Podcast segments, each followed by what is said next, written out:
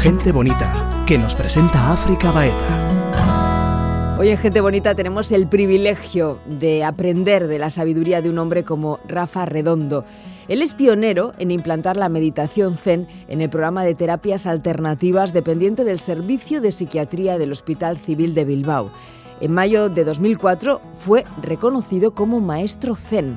Actualmente Rafa afronta una enfermedad como es el ELA desde la conciencia pura, sabiendo que él es mucho más que su cuerpo, ese pequeño yo con el que se vive en sociedad. Rafa nos explica en esta conversación el camino de la plenitud, morir antes de morir. Gente bonita con África Baeta.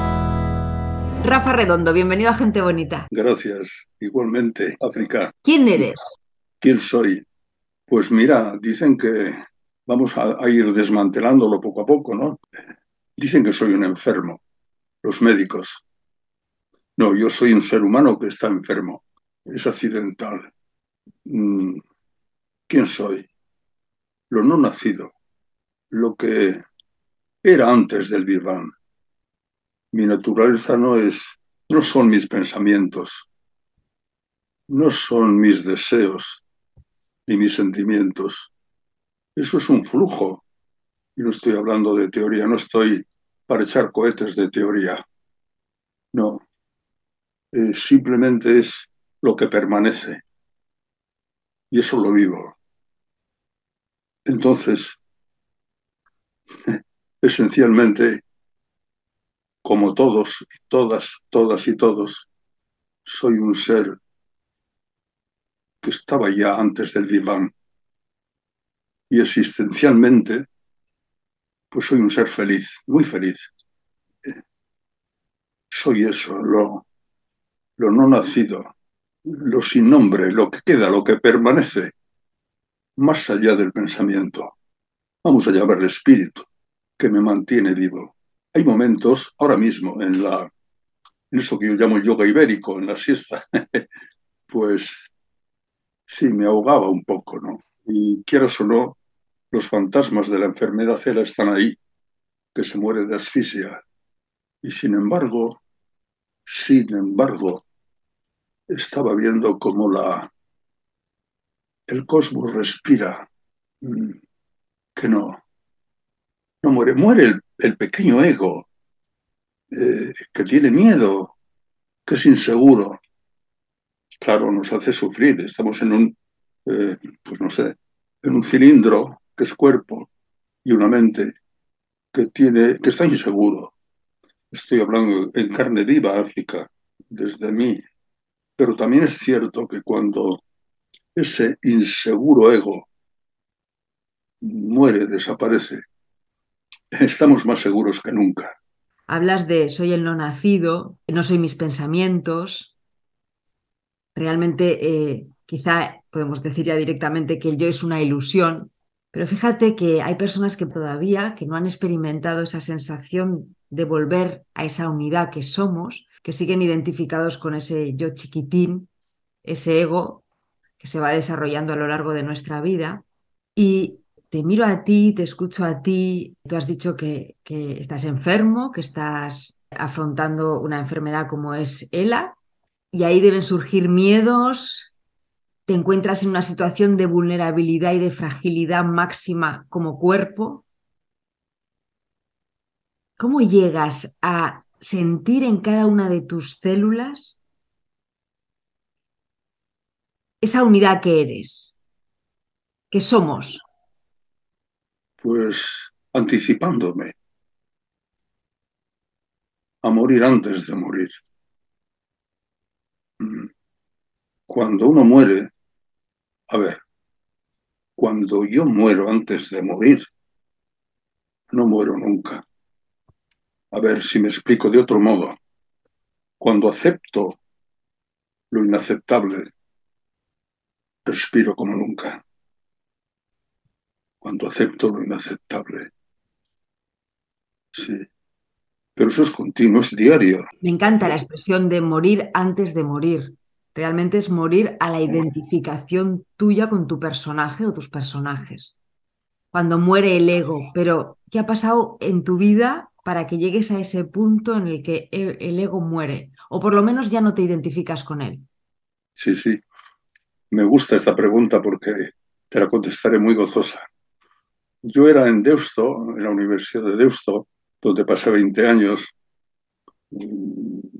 entre alumno y profesor. Luego saqué una cátedra en San Sebastián en la Facultad de Psicología. Y todo el mundo cuando la probé me decía, qué bien, has llegado, como decía, a la creme.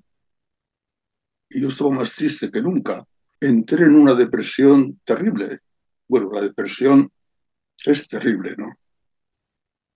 Me había identificado con el papel de profesor y reconozco que había tenido éxito, que lo tuve, sí. Trabajé en un banco, lo dejé y, ahí estaba más feliz. Claro. Entonces, ¿qué pasaba? Había una demanda diferente. Mis compañeros, psicólogos, psiquiatras, no sabían ayudarme. Entonces era un poquito, todavía quedaba bastante el, el hálito de Freud. ¿no? Estamos reprimiendo lo sumergido y los instintos están ahí pasándote factura, que si la culpabilidad. Eran como, ¿cómo decirte, África? Como eh, frases de segunda mano, frases de libro. Yo no estaba reprimiendo lo, sumergido. Bueno, sin duda que sí, e, es algo inconsciente y por lo tanto, como es inconsciente, no, no puedo responder. Pero lo que tengo muy claro es que estaba reprimiendo lo emergente. Lo emergente. ¿Qué es lo emergente? Pues llámale como quieras, lo sagrado, lo divino. Estaba reprimiendo a Dios. Ahora hablo con más, con más soltura. Y eso también me hacía sufrir. Esa añoranza, esa nostalgia de haber estado 30 años entretenido, distraído. Me acuerdo ahora de Facundo Cabral. No estás deprimido, estás distraído. Y es verdad, estuve distraído como diría, agilipollado, digamos. Me encanta lo que estás diciendo y déjame decirte el, eh, subrayarlo, porque me parece súper importante lo que estás, la matización de estar distraído y distraído de lo emergente, porque realmente en cada uno de nosotros, como seres humanos, hay permanentemente una añoranza de volver a la unidad, de una manera o de otra esa añoranza la tenemos dentro, ¿no? Estamos tan identificados con un personaje ficticio, ese yo ilusorio, que, que hay algo dentro de nosotros que nos dice, no, no, tú no eres eso. Y esa añorancia nos lleva muchas veces a la depresión, a la ansiedad, al sufrimiento. Claro. Es que hemos aprendido, nos han enseñado eh, y hemos obedecido encima a vivir como fragmento, no me sé explicar, como parte, siendo así que somos todo. Claro, entonces sufrimos por eso. Eh, sufrimos porque vivimos como fragmento. Cuando estamos abocados, eh, la, la, palabra programados me, me, suena mal, pero vale, para entendernos, ¿no? Para eh, la totalidad para el amor, para lo sin miedo. Entonces, claro, esa represión de lo emergente sí sucedió ahí en el, en el 87. ¿Cómo sucedió? Pues, ¿cómo? Bajaba yo por el cabrio conduciendo y me acuerdo, como eso no se olvida nunca, cuando pasé por Nocedal, por ya, Nocedal, empezó a palpitar el corazón, empezó, ¿qué es esto? Y mis amigos después me dijeron, esto es una crisis de angustia. Yo lo sabía por los libros, ¿no? Y claro, me recetaron una ensalada grande de triptizol, transilio, no sé qué. Eso no, no, no curaba. Era otra demanda. Y entonces resucitaban en mí, África, memorias que terriblemente había olvidado, ¿no? Agustín de Hipona, nos hiciste para ti y nuestro corazón está inquieto hasta que descansa en ti. Luego, sobre todo ahora cuando sales, dices, bendita depresión. Y te añado más, y dime si me desvío, ¿eh? Bendito Ela, que me hace aprovechar esta situación para palpar eso que llamamos Dios, el Espíritu de Jesús, el Dharma de Buda, me da igual en mi cuerpo. Eso no engaña. No me engaño. Por eso me gustaba Descartes cuando pensaba con una honradez descomunal. No será que venga un duende maligno y me engañe, pero él buscaba la verdad. O Agustín de Pona, que me gusta mucho, las confesiones. Señor, que cuando yo me dirija a ti no salga otro, no caiga en el engaño de que salga otro en vez de ti. Y no, África, a ver si me explico bien.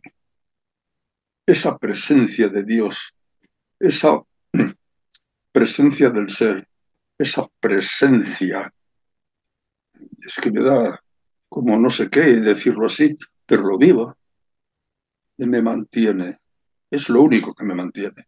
Tú lo dices en tu último libro, ¿no? El de gratitud, lo tengo aquí. Dices, ah. el, el, lugar que da cobijo a toda aflicción. Ese retorno, ¿no? A nuestro fondo, ¿no? A nuestro, a nuestro origen genuino.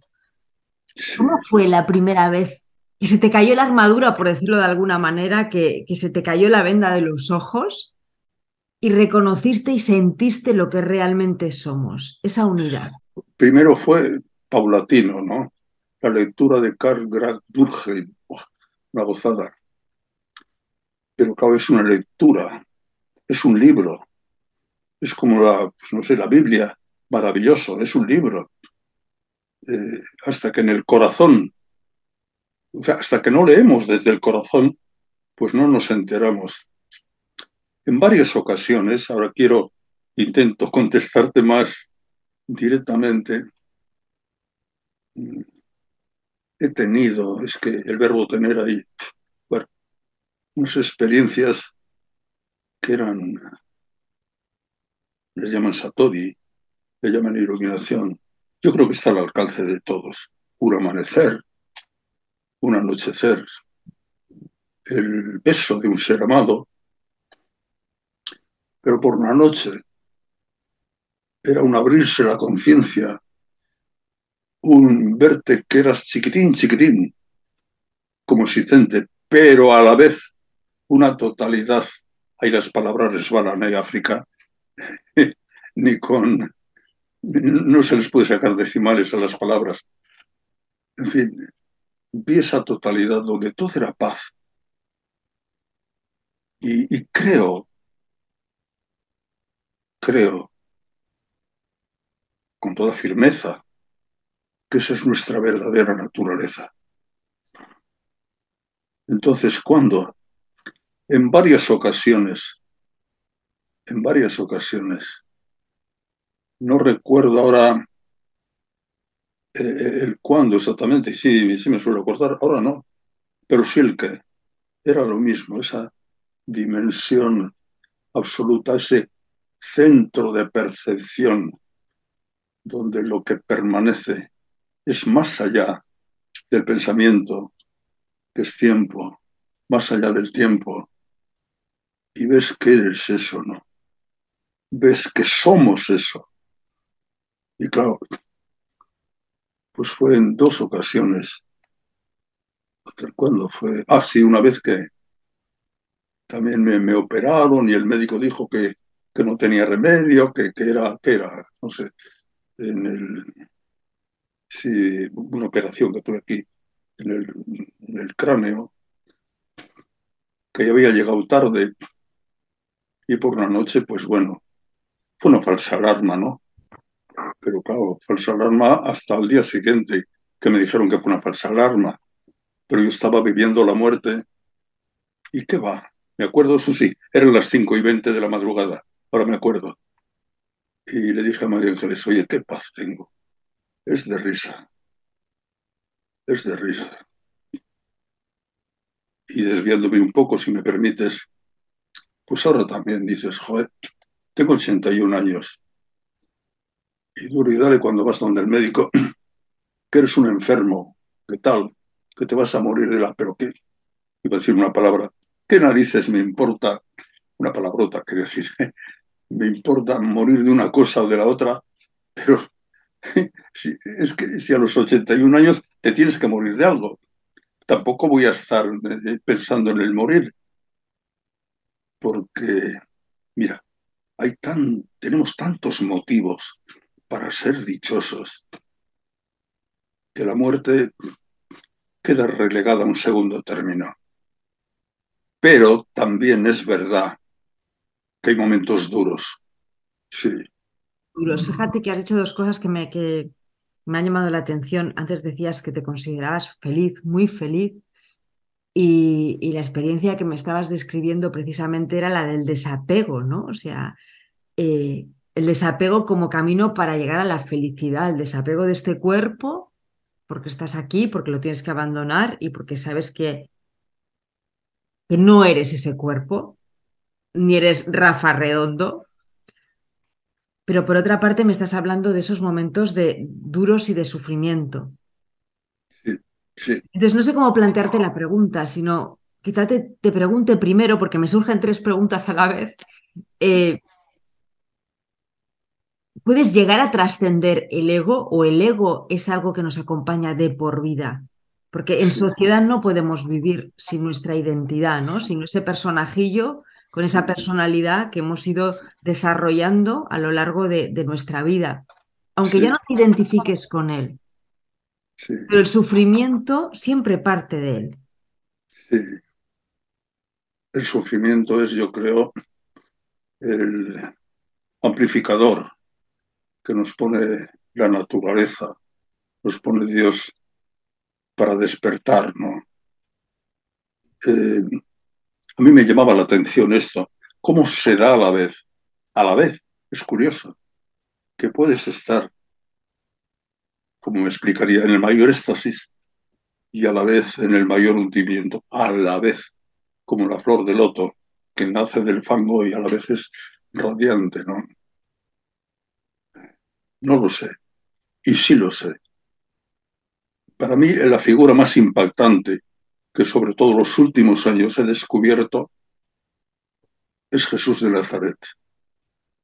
Desvaticanizándolo, claro. No se sabe nada, ¿no?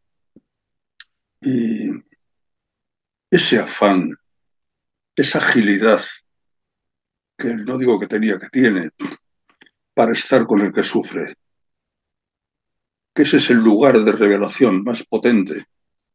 Y tiene un, me hace gracia, un sedal pescador, que solo cuando eres mayor te das cuenta que era un sedal, una caña que sabe esperar. Me emociona ver esto, constatar esto, que sabe esperar. Y miras para atrás y te das cuenta que es cierto, que es cierto. Me hablabas antes de que, de que a pesar de que eres consciente de esa sensación de unidad, hay momentos de, de dolor y de sufrimiento. Sí. ¿Es posible eh, trascender al ego o es algo que va incorporado en, en, en, nosotros para el resto de la vida? Y precisamente Sí, te lo digo porque el sufrimiento nace del ego. Sí, sí, sí, sí. ¿Cómo lo estás viviendo tú personalmente? ¿no? Porque tú eres una persona que, que, que, que tienes integrado en tu cuerpo ese concepto de unidad. Sí, sí, sí.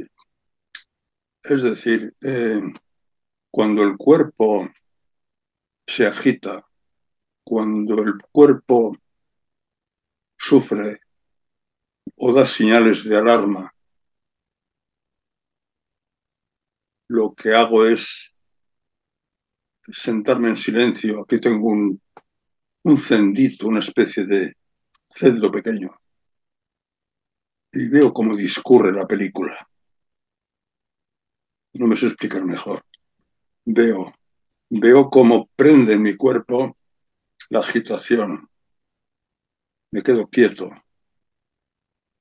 Y hay un momento en que estás sobre ese puente donde percibes la morralla de, la, del río que corre desbordado y se liquida, se va, sales fortalecido.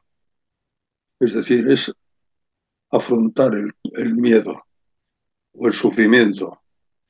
Claro, estamos en un cuerpo y eso se, observándolo, tomando nota de él, como un bebé que toma nota, que fisga. Yo creo que la contemplación es fisgar. En cuanto, repito, porque es que para mí es liberador y creo que puede ser para otros también, ¿no? Cuando estés agitado, entra en tu cuarto, allí donde nadie te ve, y observa la película. Y te das cuenta que eso de que soy la pantalla no es una metáfora. Y salgo fortalecido. Así es como lo hago. ¿Dónde nacen las emociones? La emoción es un eh, su producto o producto del pensamiento, de la memoria, eso que el maestro Eckhart llama, bueno, las potencias del alma, la memoria, el entendimiento, la voluntad, las emociones nacen de ahí, del ego, pero el ser es imperturbable. El ser de Parménides, quieto, uno, inmóvil, nacen del cuerpo, nacen del tiempo, nacen de la memoria, nacen del pensamiento, son parte del escenario del ego. ¿Qué es la muerte para ti? La muerte es un amanecer, la muerte es el, claro, dos cosas, es liberación y es miedo, es algo impresionante, claro, nos han educado y así lo hemos percibido como algo terrible, ¿no?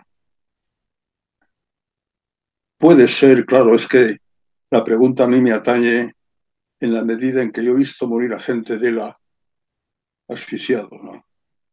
Claro, eso asusta. Ahora me dicen que no, que hay cuidados paliativos, lo que fuera, pero la muerte es un, es un amanecer, es parte de la vida. Vuelvo a repetirte eso porque lo digo, ¿no? Cuando mueres antes de morir, no mueres nunca. Además, la vida es tan sabia que te ha puesto el prodigio de la respiración, que es un morir y un renacer continuo, continuo.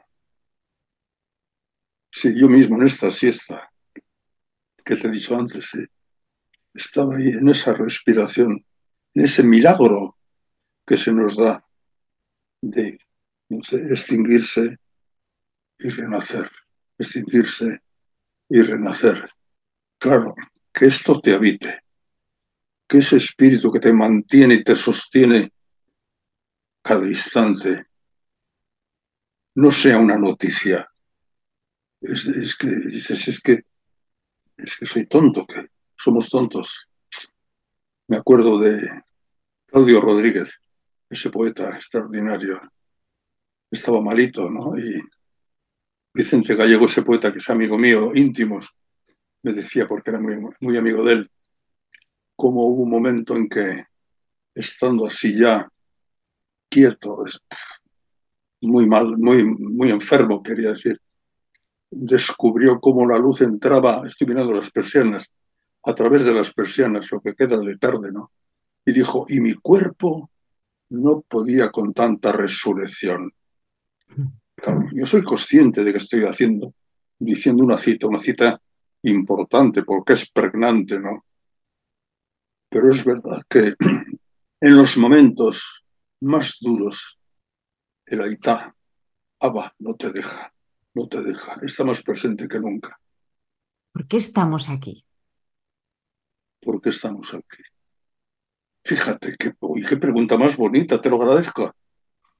En aquel momento de depresión, dije, joder, qué, pinto yo aquí? Un profesor que, que dice que tiene éxito, ¿qué tal? A mí eso no, no me llenaba, no me decía nada y me hundía más. Pues vea plan de vida. Y Durgen dice el sentido de la vida, incluso cuando envejeces, es transparentar el ser. Incluso cuando mayor eres, más lo transparentas. Y África, yo cogía la, la contraportada y le veía a él ya mayorcito, ese sabio que, que vivía en la selva negra, que virojeaba un poco, muy bajo, un encanto. Claro que lo transparentaba. Y tú sabes la marcha que te da el poder decir, transparentar eso. Claro, hay, ayudas posteriores que son de siempre. El cómo miraba Jesús. Pero yo no le he visto a Jesús mirar, pero le siento como mira.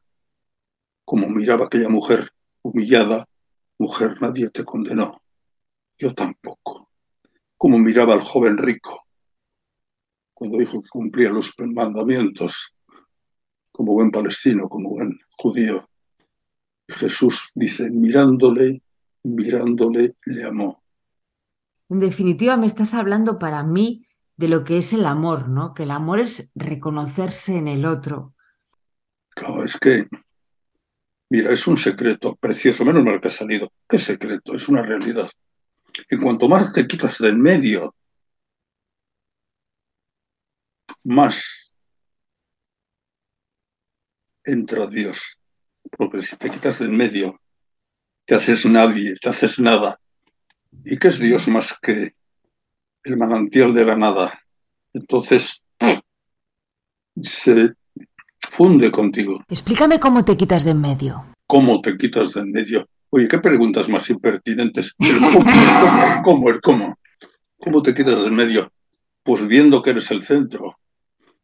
Pues tú me dirás, en mi caso, maestro para aquí, maestro para allá y, te hacen homenajes por todos los lados, que si esto, que si lo otro, tomando nota de que eres el centro.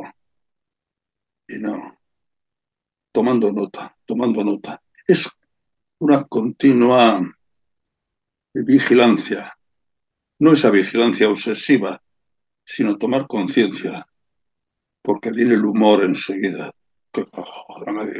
El quitarse de en medio es lo que tú estás diciendo, ¿no? Ese maestro, esa veneración, ese reconocimiento, te va inflando tu ego.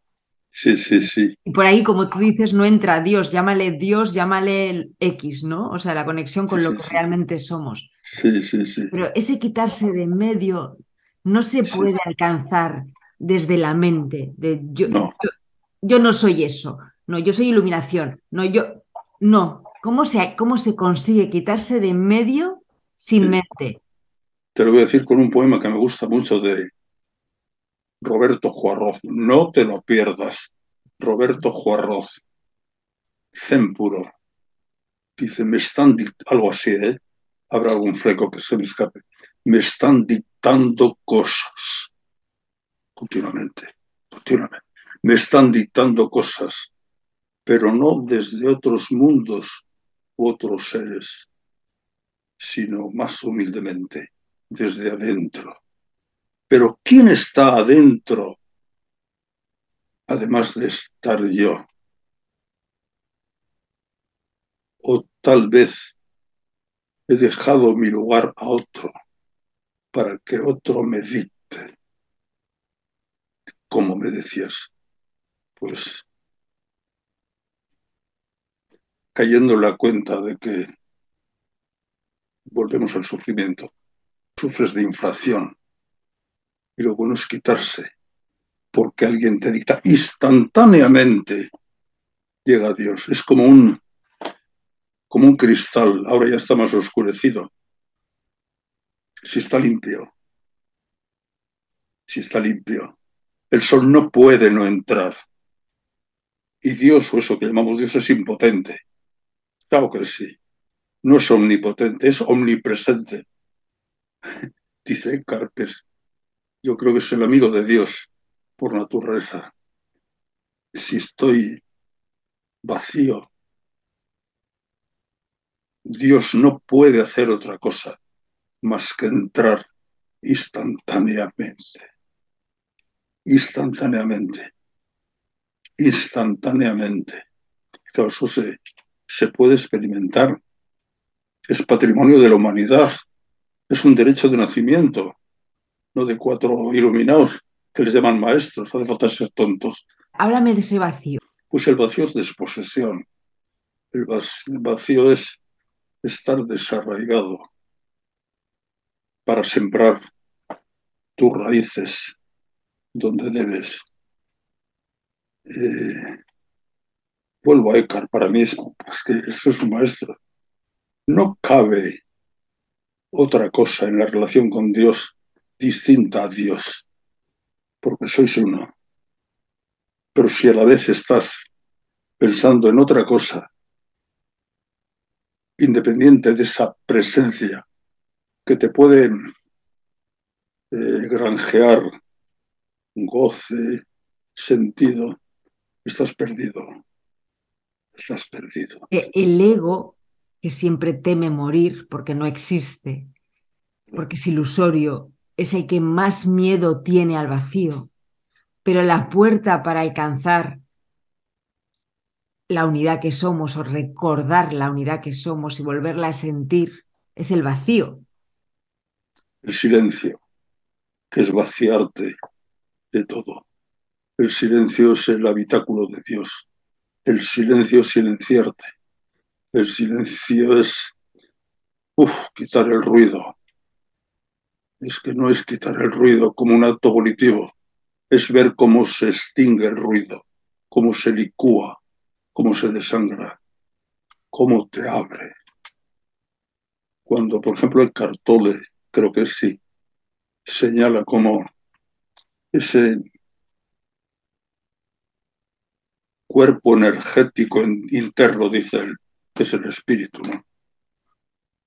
Ves que tomas nota de él, que se va apropiando de ti, cuando ya no hay imagen de ti y sientes eso que él dice, y Ken Wilber también lo dice ya, la, la sensación de ser. ¿Cómo se va expandiendo? Es precioso porque es nuestra naturaleza. Cómo va rompiendo los puntos cardinales, los límites, y se expande, se expande sin cesar. El pequeñito yo, el acojonado, el que tiene el miedito, no es nadie. Y dices que vienes el todo. Otra vez. Ves que tenemos motivos para ser dichosos. Mira, vamos a estar siempre que estemos dentro de este cilindro en ese vaivén, en ese sube y baja. Y ese vaivén y ese sube y baja es la respiración, es el morir y resucitar. Pero qué bonito cuando expiras, con S y con X, expiras, llegas hasta el fondo y luego resucitas. Eh, te Durkheim dice que es la rueda de la transformación. Bajar, extinguirte, vaciarte.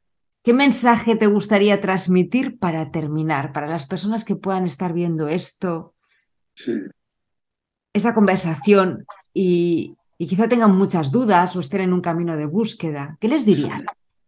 No tengáis miedo, tener confianza.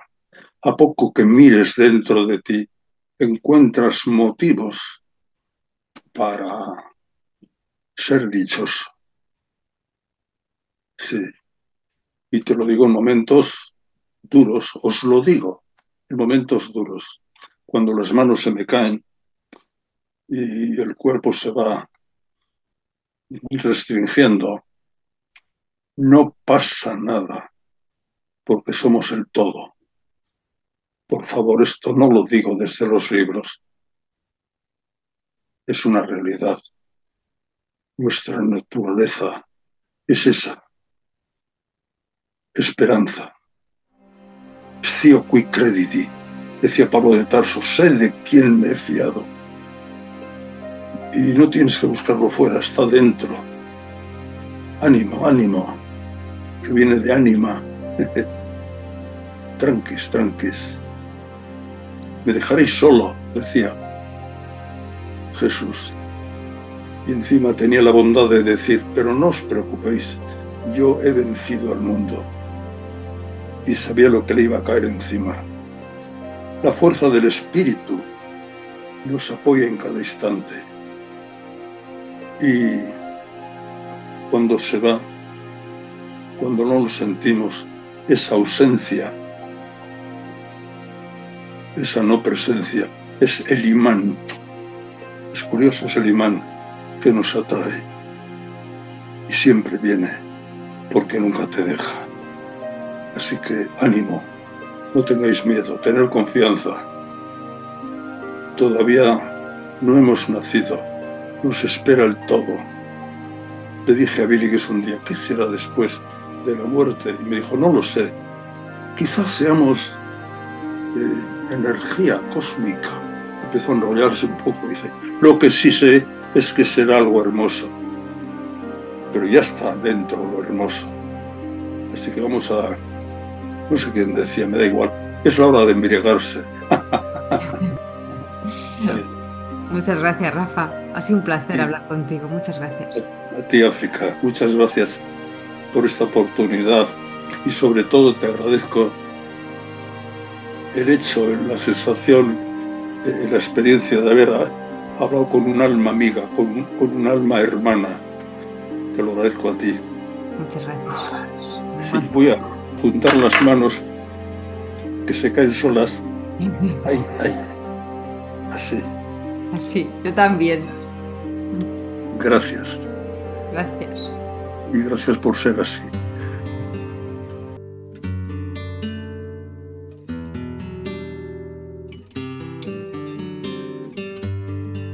Bendito el lugar y el motivo de estar ahí. Bendita la coincidencia.